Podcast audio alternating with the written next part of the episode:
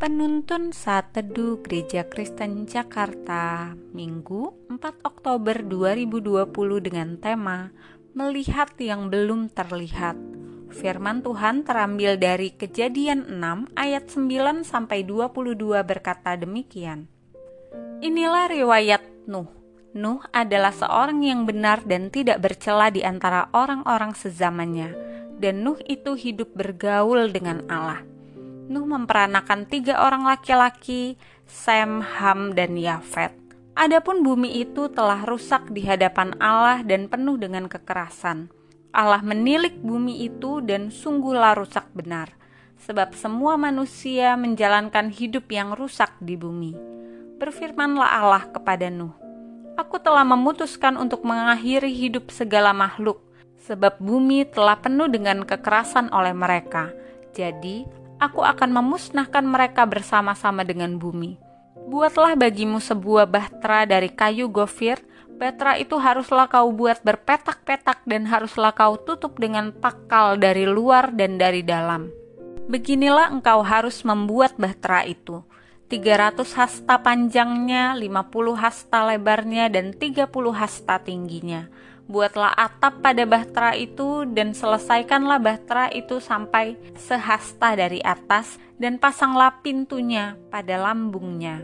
Buatlah bahtera itu bertingkat bawah, tengah, dan atas. Sebab sesungguhnya aku akan mendatangkan air bah meliputi bumi untuk memusnahkan segala yang hidup dan bernyawa di kolong langit. Segala yang ada di bumi akan mati binasa tetapi dengan engkau aku akan mengadakan perjanjianku dan engkau akan masuk ke dalam batra itu.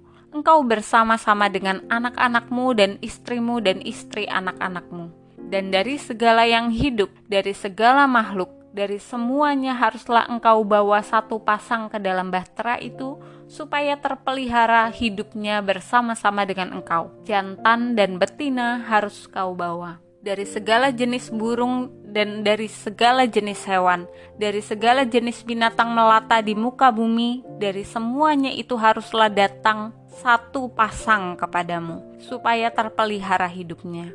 Dan engkau bawalah bagimu segala apa yang dapat dimakan, kumpulkanlah itu padamu untuk menjadi makanan bagimu dan bagi mereka. Lalu Nuh melakukan semuanya itu, tepat seperti yang diperintahkan Allah kepadanya, demikianlah dilakukannya. Jose, tiga tahun, anak kami sedang bermain di playground ketika deru di langit itu terdengar sangat jelas. Rasanya seperti sesuatu yang besar berputar-putar tepat di atas kami, berulang-ulang selama beberapa menit. Namun, sekalipun langit cerah pagi itu, mata kami bertiga tak mampu menangkap wujud benda itu mungkin karena tertutup oleh awan putih tebal di atas sana. Tetapi dengan yakin Jose menjawab pertanyaan saya, itu pesawat terbang.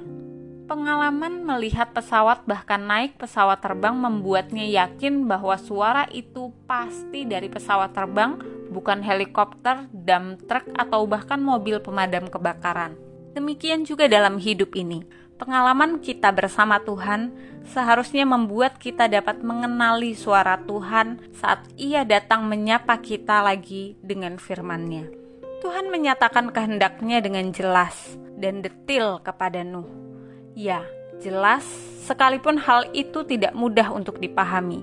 Tentu saja, Nuh menghadapi situasi yang sulit pada saat itu, tidak mudah bagi dia untuk mengerti bahwa sebentar lagi semua orang yang dia kenal pada masa itu akan segera binasa di bawah hukuman murka Allah.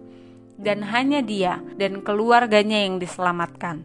Sekalipun ia punya jawaban dan orang-orang mengetahui bahwa selama ini ia hidup tidak bercela, namun Nuh tetap merasa kesulitan untuk meyakinkan orang-orang yang bertanya kepadanya alasan dirinya membuat bahtera besar di tempat yang tidak semestinya. Namun, sekalipun Nuh belum pernah melihat apa yang akan terjadi dan bagaimana akhir dari semua itu, pengalamannya selama ini berjalan dekat dengan Tuhan membawa Nuh mengambil keputusan yang benar. Nuh bukan hanya mendengar firman Tuhan dengan teliti, ia melakukan semua semuanya itu tepat tepat seperti yang diperintahkan Allah kepadanya. Tujuan hidup Nuh jelas, hanya untuk menyenangkan hati Tuhan dengan menaatinya sepenuhnya. Apakah Anda ingin hidup menyenangkan Tuhan? Situasi apa pun yang Anda alami saat ini adalah kesempatan bagimu untuk menaati kehendak Tuhan demi menyenangkan hatinya. Mungkin Anda belum melihat jalan keluar atau kondisi yang lebih baik, namun tetaplah taat pada Tuhan. Pertolongannya pasti tiba pada waktunya. Melalui perenungan pada hari ini kita bersama-sama belajar, situasi apa pun yang kita alami hari ini adalah kesempatan untuk menaati Tuhan dan menyenangkan hati Tuhan.